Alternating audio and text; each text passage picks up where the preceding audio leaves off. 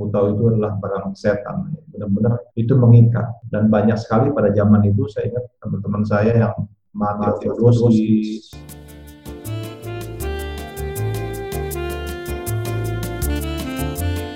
satu gereja bagi para pecandu dan para gangster termasuk juga prostitusi.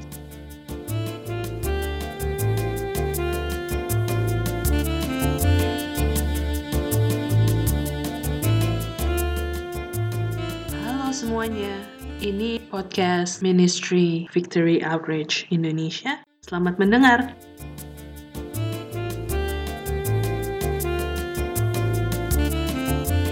Kali ini narasumbernya oke banget juga nih. Beliau ini sempat cukup lama menjadi ketua Rumah Pemulihan Victory Outreach Indonesia yang bisa kita sebut home director.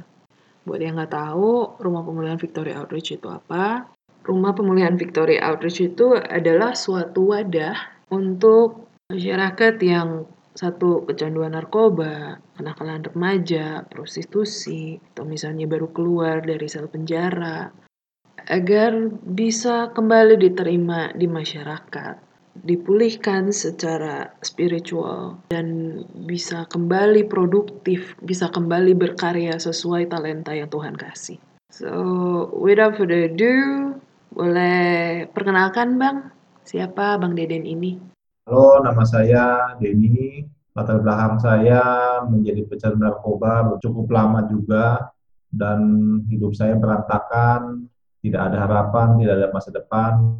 Suatu ketika saya bertemu dengan satu pelayanan yang namanya Victory Outreach. Saya uh, mengambil keputusan untuk masuk ke dalam pelayanan rumah pemulihan untuk supaya saya bisa diubahkan karakter saya, perilaku saya dan puji Tuhan akhirnya saya mengalami Tuhan di, pelayanan rumah pemulihan Victory Outreach Bandung dan akhirnya saya mengalami perubahan dan hidup saya dibebaskan dari keterikatan narkoba. Uh, boleh dijelasin nggak bang latar belakang abang ini gimana dari uh, seorang pecandu narkoba yang bertahun-tahun bisa sampai sempat cukup lama menjadi home director? Iya, ya waktu saya SD ya, saya berpikir saat itu saya adalah anak yang paling beruntung karena papa mama saya begitu harmonis hubungannya orang tua saya dan setiap kali uh, weekend saya ingat sekali papa saya selalu ajak jalan-jalan sekeluarga lah liburan dan saya senang sekali dan waktu begitu terus berjalan selama beberapa tahun. Dan satu ketika kalau nggak salah di usia saya SD kelas 5 atau kelas 6 eh, semuanya berubah. Papa saya berubah sudah mulai jarang pulang. Akhirnya mama saya juga stres di rumah. Dan akhirnya saya mulai kecewa dengan papa saya. Sampai satu titik akhirnya papa mama saya mengalami perceraian jadi sangat kecewa sekali. Tapi kalau boleh dikatakan sebelum papa mama saya divorce saya adalah anak ya saya rasa anak baik waktu zaman SD gitulah. Maksudnya nurut anak yang rajin.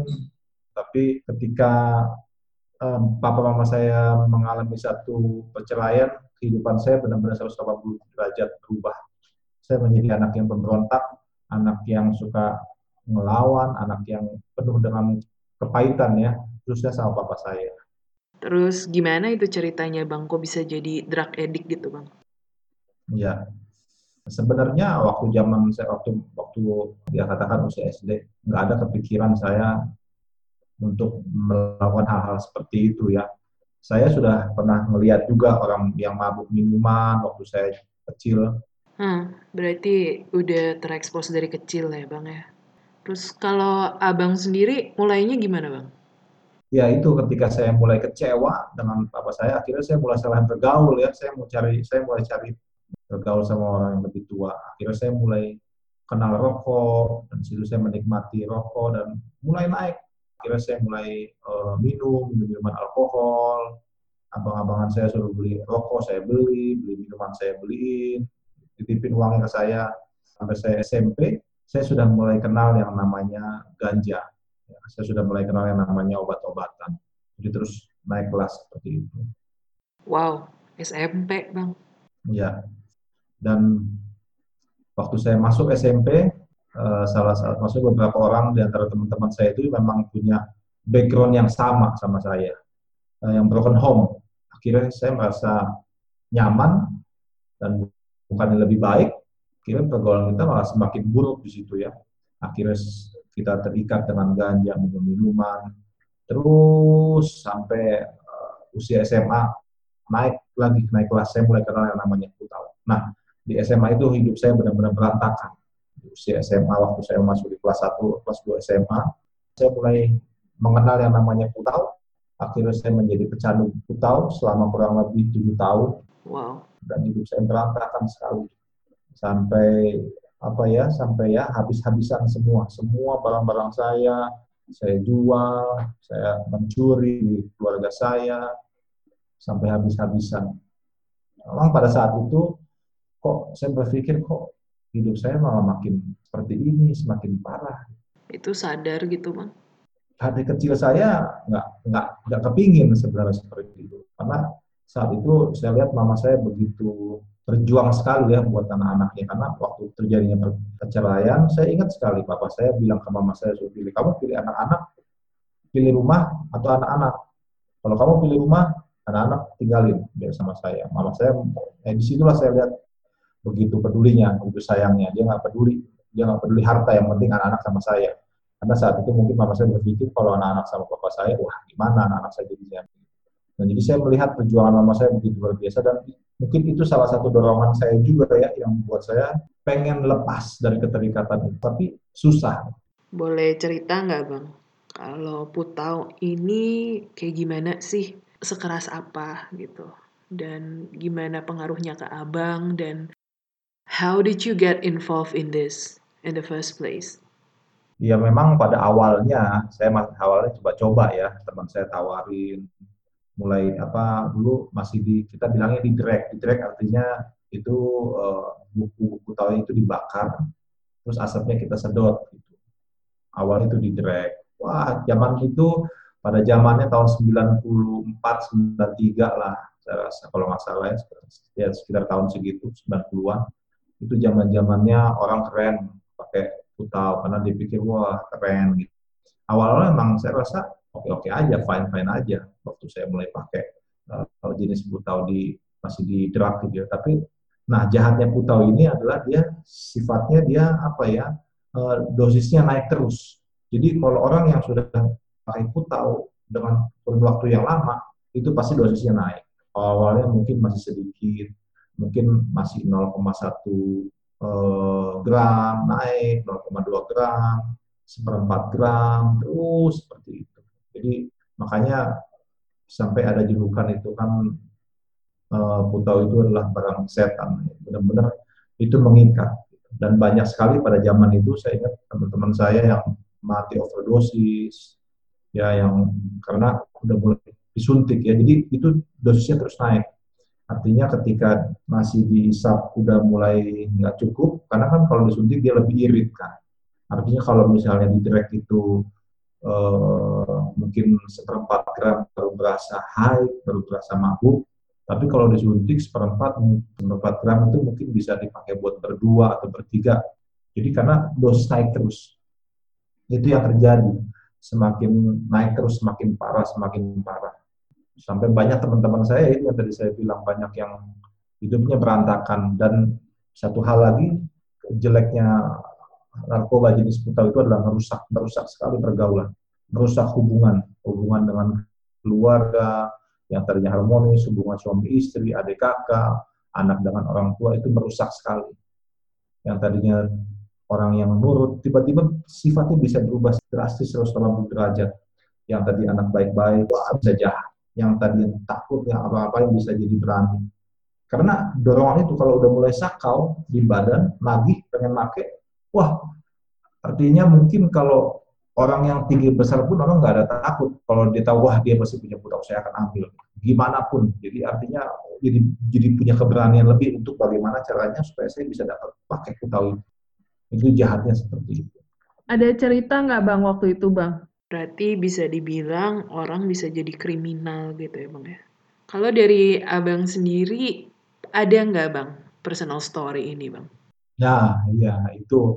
Makanya saya bilang waktu awal dari saya dari masih kecil saya anak yang baik-baik, maksudnya nggak ada pikiran yang kayak gitu. Tapi Putau itu memang membuat kita menjadi jahat. Kenapa saya bilang itu? Karena saya mengalami sendiri. Suatu saat saya keinginan untuk pakai, tapi nggak pegang uang, nggak ada uang.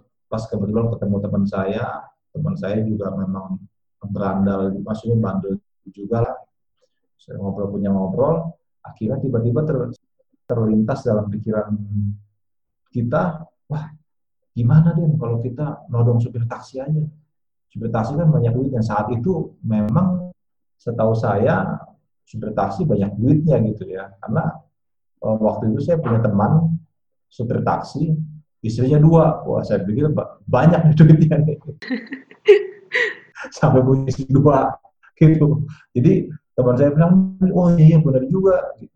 Akhirnya kita ambil keputusan tuh malam-malam kan. Keinginan kita, keinginan saya untuk pakai narkoba itu jadi ada keberanian kalau saya ingat-ingat sekarang itu, aduh gila banget saya melakukan hal ini. Maksudnya saya berani karena saat itu zaman tahun itu ya, saya ingat kalau eh, begal-begal atau yang nodong atau yang rampok itu kalau tangkap masa langsung dibakar masa dan itu berita heboh waktu itu saya lihat. Jadi nggak tak kita nggak ada takut mati. Akhirnya kita berpikir, oke okay, yuk kita nodong supir taksi aja malam-malam ya. Supir taksi pertama kita naik, akhirnya kita todong orangnya ketakutan dapat uangnya kita kabur. Terus teman saya bilang wah kurang nih segini ayo cari lagi. Jadi dalam satu malam saya ingat tiga supir taksi yang kita todong. Itu benar-benar hal gila yang saya lakukan kalau saya ingat. Kedua kita cari lagi dia katanya ayo ayo. Cari lagi wah kita stopin lagi supir taksi. Di tengah jalan cari yang sepi kita todong lagi dapat lagi uang itu teman saya bilang wah masih kurang ini akhirnya yang supir taksi yang ketiga kita todong sudah dapat kita kabur dia ngelawan Nah, ketika supir taksi melawan itu, kita lari kan di dalam satu rumah, di situ ada semak-semak di pekarangan rumah orang lain, ya. Orang kita masuk dan kita sembunyi di situ. Gak lama, beberapa menit kemudian, kita dengar suara rame tuh. Jadi itu mungkin seperti masa supir taksi itu mungkin lapor, mungkin ada sekitar 15 orang ya, atau 10-15 orang. Wah tadi saya dengar ini, wah kita dengar waduh. Dan saat itu, saya ingat banget, sampai sekarang saya nggak lupa, tiba-tiba saya ada rasa takut mati. Saya takut mati. Waduh, aduh kalau saya ketangkap habis deh saya dibakar masanya. Akhirnya saya berpikir, aduh kalau saya mati saya ke mana nih? Dan akhirnya saya tiba-tiba ingat Tuhan. Yang tanya saya udah bertahun-tahun saya kecewa, saya kecewa sama papa saya, saya kecewa dengan keluarga saya, bahkan saya kecewa sama Tuhan. Saya udah mulai nggak mau nggak mau berdoa dan nggak mau sembahyang dan lain sebagainya. Saya benar-benar kecewa. Tapi tiba-tiba saya diingatkan doa Tuhan. Akhirnya saya ingat waktu itu saya coba doanya simpel cuma bilang Tuhan tolong saya selamatkan saya saya nggak mau mati saya nggak mau mati dibakar saya nggak mau mati pas lagi dalam doa itu saya pikir mungkin dijawab Tuhan tapi pas lagi waktu itu saya kita ngumpet di pekarangan rumah orang itu saya ingat kalau orang yang punya rumah itu keluar dia buka pintu pasti lihat saya dan saya sembunyi itu. Karena pas kita pas lagi ramai-ramai di depan tiba-tiba ada lampu nyala. Ada seorang yang waduh saya pikir udah lolos datang lagi yang yang di rumah. Kalau keluar dia melihat pasti dia teriak habis kita.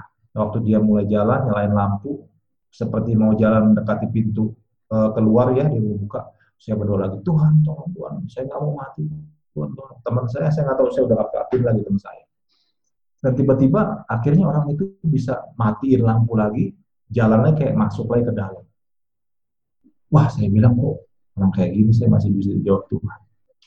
Dan ya buat saya ya satu ya puji Tuhan akhirnya lolos.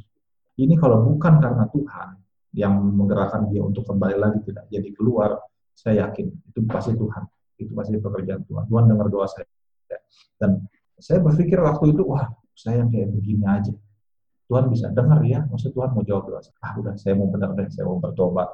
Jadi singkat cerita, waktu udah subuh, udah mulai mau terang, udah nggak ada suara lagi tuh masa tuh kita coba keluar pelan-pelan, pelan-pelan, pelan nggak ada aman.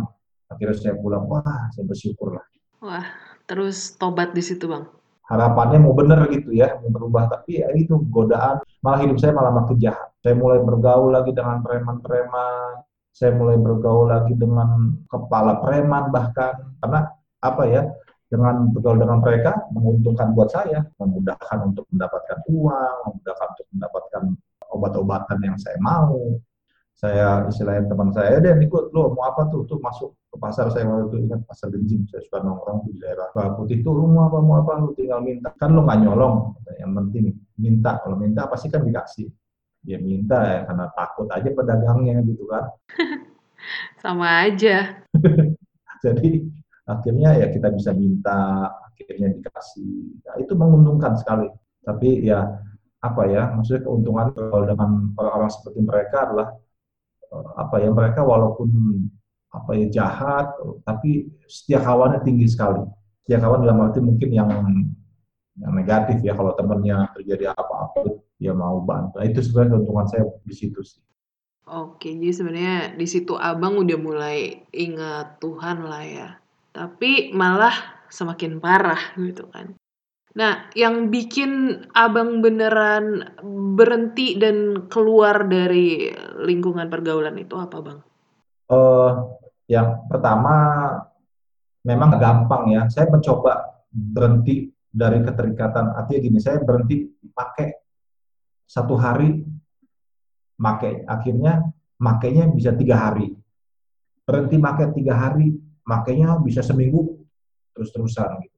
Berhenti pakai seminggu, makanya bisa berbulan-bulan. Jadi benar-benar parah. Tapi saat itu saya nggak bisa berhenti karena yang namanya narkoba jenis kutau itu benar-benar mengikat. Nggak ada orang yang maksudnya yang yang bisa mengurang dalam secara manusia gitu ya untuk bisa mengurangi dosis pakai kutau itu pasti naik terus, meningkat terus sampai habis-habisan.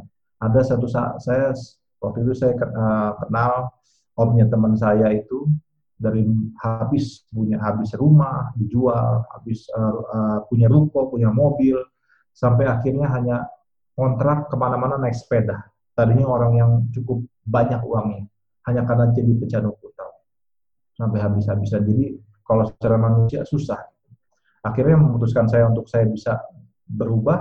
Saat itu saya nggak bisa langsung berubah. Ah, wah, saya pikir, wah kalau saya terusan begini, saya bisa habis. Kasihan ibu saya, makin parah deh. Nanti makin berantakan. Akhirnya saya mencoba untuk berhenti dari keterikatan kutau itu, tapi saya coba alihkan waktu itu jadi saya coba alihkan akhirnya saya mulai kembali akhirnya saya mulai kurang uh, tidak uh, mulai kurang pakai kutau tapi saya larinya ke pakai sabu. Kalau gitu mah 11-12 dong bang. saya pikir mungkin bisa lebih baik lah. Maksud bisa uh, bisa terkontrol lah kalau saya pakai sabu-sabu. Ternyata ketika saya mulai pelan-pelan coba alihkan akhirnya saya bisa mengalih ke sabu-sabu tapi bukan semakin lebih baik malah semakin parah gitu. Kebutuhan makin besar walaupun tidak jadi kalau sabu itu kan masih bisa kontrol kan artinya. Waktu saat itu sih zaman saya pakai itu. Malah semakin parah semakin parah tapi menurut saya mending inilah. Saya kalau pakai sabu ini saya masih bisa aktivitas. Saya coba ngelamar kerja akhirnya saya dapat pekerjaan. Saat itu saya mulai dapat pekerjaan yang menurut saya cukup bagus. Dan bos saya juga senang karena saya rajin. Nah ternyata rajinnya karena saya pakai sabu gitu. Itu buat jadi rajin bisa dua hari nggak tidur kadang bisa tiga hari. Jadi bos saya lihat wah ini anak buah saya nih semangat nih kerjanya nggak hitung hitungan padahal dia nggak tahu saya pakai doping saya pakai sabu-sabu gitu. Aduh, abang. tapi itu kan akhirnya kacau gitu. Kenapa saya bilang kacau? Ya yang namanya orang udah ya jenis sabu kan berarti kan jenis narkoba. Artinya saya kadang-kadang saya nggak konsentrasi, ada beberapa kesalahan-kesalahan yang saya lakukan waktu saya kerja. Sampai akhirnya saya pikir, aduh saya capek kalau hidup begini. Nah, satu saat, satu ketika, singkat cerita, eh, sepupu saya menghubungi saya. Namanya Dewi, ya dan suaminya namanya Dani, Dani Manopo. Waktu itu dia hubungin, Den, lu kan bandel juga, lu pakai nama ini, ada satu pelayanan nih, Victoria Outreach dia ada ada rumah pemulihan di Bandung. Lu mau nggak ke sana bantu pelayanan di sana? Saya ingat banget. Lu kan lu lu kan juga lu pemakai lu pemakai narkoba mantan apa? Dia pikir saya udah nggak pakai gitu. Lu kan mantan. Padahal saya pengalih jadi pakai sabu. Wah, iya boleh juga dia jelasin lah pelayanan Victoria Outreach ini mereka menjangkau semua pemimpinnya kebanyakan yang melayani di sana mantan pecandu. Wah, saya bilang boleh juga. Akhirnya saya termotivasi tapi satu sisi saya kerja. Oh iya iya iya. Udahlah singkat cerita udah lost kok udah nggak pernah komunikasi lagi. Ya tetap saya tetap jalanin kerjaan saya. Tapi saat itu saya bukan lagi pemakai aktif kayak waktu saya pakai putau tapi saya pemakai pasif. Kalau cuma pengen pakai ya pakai. Kalau enggak juga enggak. Tapi bisa juga pakai terusan sampai dua hari tiga hari nggak tidur. Dan saya ingat saat itu saya punya saudara yang saudara saya eh, pacarnya itu bukan bandar narko, udah bandar eh, eh, apa? Bukan bandar inek, tapi dia pembuat inek. Jadi kalau dia datang selalu kasih lima inek, wah teripih hampir tiap malam. Aduh. Nah kalau inek ini efek sampingnya gimana bang? Kalau jenis inek itu hampir sama lah sama sabu ya, artinya bikin orang nggak tidur, bikin orang wah jadi apa percaya berlebihan lah gitu. Hmm. Jadi mulai makin kacau lagi. Dan mama saya nggak tahu gitu. Pas saya dikasih sama saudara saya itu, nih Dan, inek nih mau nggak? Oh mau dong.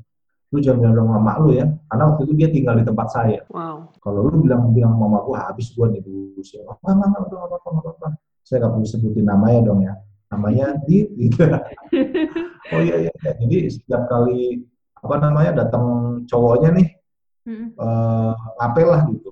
Wah saya udah tahu nih. Saya dapetin mana ya? Oh dikasih kasih. Akhirnya saya kumpulin kan saat itu inek masih mahal masih mahal mahalnya tuh saya ingat banget. Akhirnya saya mau ajak teman-teman saya. Iya saya mau ajak teman-teman saya saya jual. Saya bilang ayo kita teliti kita ke diskotik wah harus pakai inek mahal. Tenang aja gua ada ineknya lo bayarin aja gua diskotiknya sama minumannya. Padahal sih udah ada gratis gitu aduh kreatif udah pinter banget. Akhirnya itu itu sempat lama yang kita lakukan. Selama waktu itu saudara saya masih tinggal di tempat saya itu selalu dikasih. Jadi makin makin udah lupa tuh dengan waktu itu sepupu saya pernah bilang ada pelayanan Victoria Outreach ada rumah kemudian. Saya lupa. Tiba-tiba saya mulai ada dunia baru lah teripit hampir tiap malam akhirnya jatuh ke dunia seks bebas terikat habis stripping mencari perempuan dan lain sebagainya makin berantakan lah. Kerja tetap jalan tapi tapi ya gitu bisa dua hari nggak tidur kerja tiga hari sampai hitam mata saya. Dan lama-lama ya saya capek juga sih dengan hidup ini gitu. Sempat saya lupa dengan pelayanan uh, Victoria Outlet sudah rumah pemula itu. Tapi satu saat ketika saya merasa capek sama hidup ini, saya mikir, oh iya ya, ada pelayanan ini. Dan seiring waktu berjalan, gak lama sepupu saya hubungin kontak saya lagi. Dan begini ini, ini ada misionaris nih dari Amerika, dia juga mantan pecandu, sekarang dia udah dipulihkan. Boleh nggak dia datang ke tempat lo dan? Tunjukin dulu sama teman-teman. Lo aja kumpulin deh teman-teman lo tuh. Dia mau sharing mau kesaksian. Wah boleh boleh boleh saya bilang gitu. Boleh. Saya pengen bilang boleh aja. Pas udah bilang saya bilang boleh nanti ya sekian tanggal sekian saya lupa waktu itu. Oh nanti beberapa hari lagi kita datang. Yang ini nih siap ya? Oke siap. Setelah itu saya mikir wah nah kalau bilang saya siap? Gimana saya cara kumpulin teman-teman saya? Kalau saya bilang eh kumpul kumpul yuk. Ada ada misionaris nih mau khotbah nih mau kesaksian hidup, wah nggak akan gue datang yang ada kupingnya panas kan. saya pikir oke saya mikir gimana caranya kumpulin teman-teman saya yang begajulan ya, teman-teman yang make itu ya. Akhirnya saya, ah, saya punya ide. Oh ya bisa bilang aja mama saya ulang tahun kan teman-teman saya dekat juga sama mama saya. Aduh kreatifnya itu ya ampun. Saya bilang oh saya pas hubungin semua teman-teman saya satu, eh datang ya hari saya waktu lupa waktu itu hari apa tanggal berapa gitu datang um, nyokap gue ulang tahun nih makan-makan ya datang ya gitu. oh iya iya siap siap datang lah tuh pas datang ya datang juga itu misionaris namanya uh, Brother Caki bersama dengan timnya lah sepupu saya uh, sama suaminya sama uh, ponakannya suaminya datang. Sama misionaris dari Filipina juga ada. Datang mulai wah kok ada bulenya deh nah teman saya bingung. Ya kak ini ini dulu bekas pejabat. Kan tatoan tuh saya ingat tuh si misionaris itu dipikir oh ya sama kayak gue gue juga teman-teman saya bilang gitu. Nah, kita kumpul udah makan makan makan makan terus selesai kenyang eh duduk dulu ya. Ini ada teman gue nih yang bule mau ngobrol nih oh iya ya seneng ngobrol-ngobrol wah mukanya udah mulai bete nih ngomong ngomongin Tuhan kesaksian akhirnya singkat cerita udah selesai. Ada beberapa teman saya yang cuma tanya-tanya lah, tapi mereka nggak interest lah. Kalau udah bicara tentang rohani, namanya masih memang belum niat berubah ya. Biasanya gitu kan. Udahlah, pulang selesai bubar. Udah. Eh bulan depan sepupu saya bilang, dan bulan depan kita mau datang lagi nih. Nah, maksudnya singkat cerita dia bilang bulan depan saya mau datang lagi. Waduh, saya bingung gimana. Tapi anehnya itu saya saya yakin mungkin Tuhan yang gerakin saya setiap kali sepupu saya bilang mau datang lagi, saya bilang, oh iya oke okay, siap, saya semangat, antusias. Setelah itu saya mikir gimana lagi cara kumpulin teman-teman saya nih untuk dengerin dengerin nah mulai mau sharing gitu bagi firman gitu.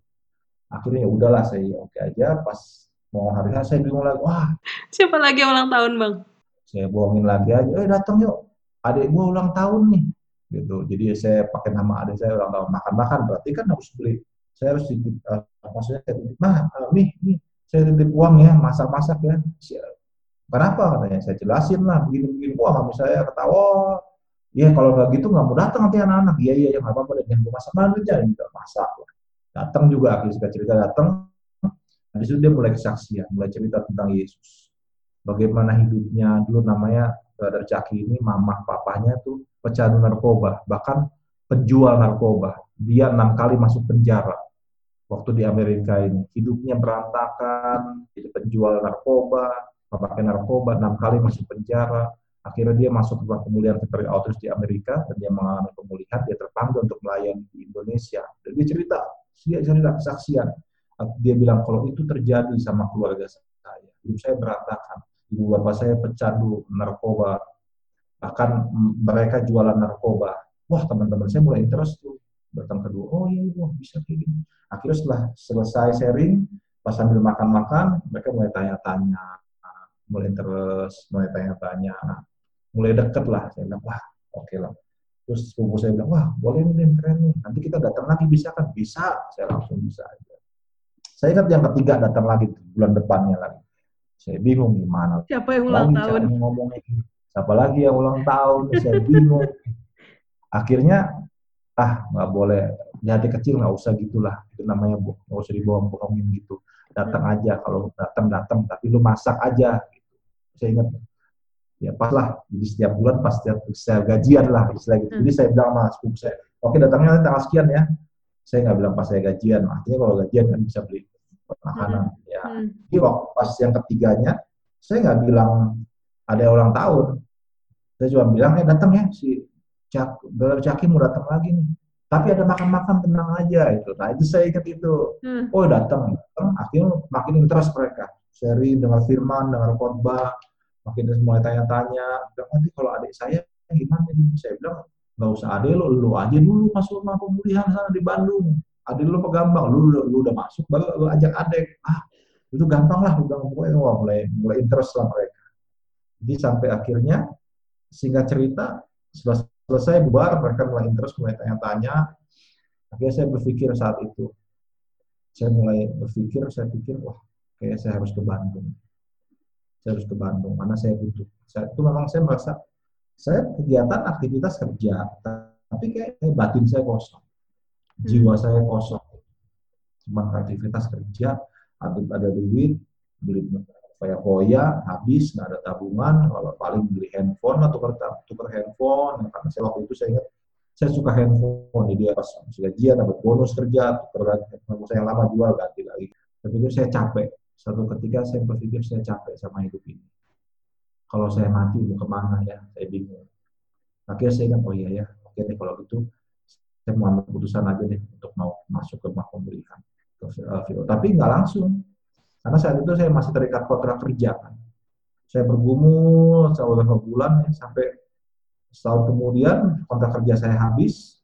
Ya beberapa bulan kemudian sampai kontrak saya kerja habis, akhirnya saya memutuskan uh, saya ngomong sama bos saya dan mau diperpanjang karena bos saya sayang sekali sama saya. Sayang karena saya rajin gitu. Ternyata dia nggak tahu rajin saya pakai doping. dopingnya karena pakai sabun. Rajinnya doping. Nah, dia nggak tahu dia pakai kalau kalau dia tahu saya pakai itu, wah bukan saya malah yang ada dipecat laporin polisi kali ya.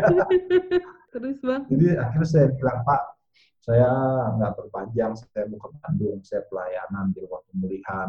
saya terpanggil Pak, karena saya juga dulunya bandel, saya juga bilang, saya pengen, dia cukup berat sih, tapi akhirnya dia lepas juga, dia, akhirnya saya masuk ke rumah pemulihan, dan saya diproses di sana, karakter saya diubahkan, dan saya mulai mengalami Tuhan. Dan itu itu itu adalah hal yang paling terindah yang nggak pernah saya lupakan. Saya mengalami Tuhan di sana, mengalami hadirat Tuhan. Kan ada programnya ya, ada doa, baca Alkitab, membaca, menulis, menghafal, terus suruh kerja, bersih-bersih, dan dan itu benar-benar saya apa ini yang nggak pernah saya lakukan di rumah saya.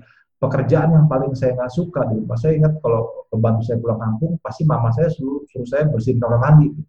Dan itu hmm. pekerjaan yang paling saya nggak suka Hmm. Waktu saya masuk ke ruang pemulihan di sana, pertama kali pekerjaan yang saya terima adalah bersihin kamar mandi seminggu. Waduh, saya bilang. Tapi itulah di situ mulai karakter. Saya mulai mengalami pemulihan, mulai alami Tuhan dan sudah cerita saya saya mengalami pemulihan, saya dijamah Tuhan di sana. Dan saya lulus, oke saya mau bertobat.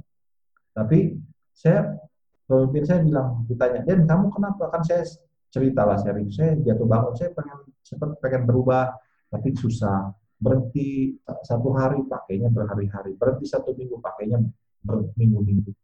Akhirnya dia mulai tanya kenapa? Kenapa dia mulai tarik latar belakang saya kenapa? Ternyata dia terkesima bahwa kamu masih simpan kepahitan kenapa hidup kamu jatuh bangun saya ingat banget hidup saya kan akhirnya saya berkesimpulan oh ya ya kenapa hidup saya jatuh bangun keinginan benar tapi nggak bisa susah karena kayak ada yang mengikat ternyata saya masih simpan kepahitan di dalam hidup saya. Nah itu yang menghambat saya akhirnya bertumbuh apa pengen benar nggak bisa karena saya masih simpan kepahitan. Oh iya ya, saya masih kepahitan, saya masih kecewa sama papa saya. oh ya, waktunya kamu untuk rekonsiliasi sama papa kamu. Nah sampai suatu saat pas timingnya pas karena papa saya beda, papa saya muslim ya. Jadi suatu saat waktu itu pas lebaran timingnya pas saya izin, saya dapat izin, akhirnya saya datang. Ke papa saya rekonsiliasi lah saya minta maaf. Ih maafin ya. Saya pernah salah sama papi gini gini gini gini. Akhirnya kita memaaf saling memaafkan dan terjadilah rekonsiliasi dan mulai saat itu hidup, hidup saya benar-benar dipulihkan. Saya merasa plong kayak nggak ada mengganjal gitu dalam hati saya karena saya udah lepasin pengampunan terus waktu saya ingat waktu teman saya bilang kamu harus lepaskan pengampunan sama papa kamu di situ ego saya timbul maksudnya kesombongan saya oh enggak kok saya sih yang salah kan bapak saya saya kecewa, saya pahit sama bapak saya. Saya, saya ingat dulu waktu saking saya pahit sama bapak saya, kalau orang tanya, bapak lu mana? Udah mati. Sayangnya saya benar-benar kecewa sama dia, tapi padahal enggak. Harusnya dia dong yang minta maaf sama saya, sama keluarga, sama kakak-kakak saya, saya bilang, sama adik saya, karena per, karena e, perilakunya hidup saya, keluarga saya berantakan. Nggak bisa. Kamu sudah mengenal Tuhan, kamu harus lepaskan pengampunan. Saya berpikir, oh ya udah pas timingnya pas, Lebaran saya datang, minta maaf kalau saya terjadi dan puji Tuhan mulai saat itu hidup saya benar-benar diubah. Akhirnya setelah itu saya bisa ambil keputusan, saya merasa oh ini panggilan saya, akhirnya keputusan oke okay, setelah saya apa saya mau melayani orang-orang yang sama seperti hidupnya seperti saya. Dan akhirnya singkat cerita saya lulus dari program, setelah saya sekolah dikirim sekolah di Filipina, kembali dari Filipina saya ambil keputusan untuk melayani di sana. Saya dari mulai 2005 pokoknya kurang lebih mungkin ya sekitar hampir 10 tahun saya melayani di rumah pemulihan. Saya selalu mengebu-gebu karena saya tahu oh ini ternyata inilah panggilannya Tuhan dalam hidup saya. Kenapa Tuhan izinkan saya mengalami kepahitan sama papa saya, saya mengalami kejatuhan, orang tua saya divorce, cerai, saya kepahitan, saya pakai narkoba, saya jadi penjadu, jadi jangki. Ternyata itu Tuhan izinkan untuk supaya ketika saya pulih, saya melayani orang-orang seperti itu akhirnya saya mulai semangat untuk ketemu orang-orang yang latar belakangnya seperti saya. Wah, ini makanan saya. Saya paling semangat. Kalau ketemu orang yang latar belakang sama saya, saya semangat untuk saya coba kasih tahu mereka. Saya bersaksi. Hidup saya juga sama seperti kalian. Kalau dulu, kalau saya bisa diubahkan, kamu juga bisa diubah.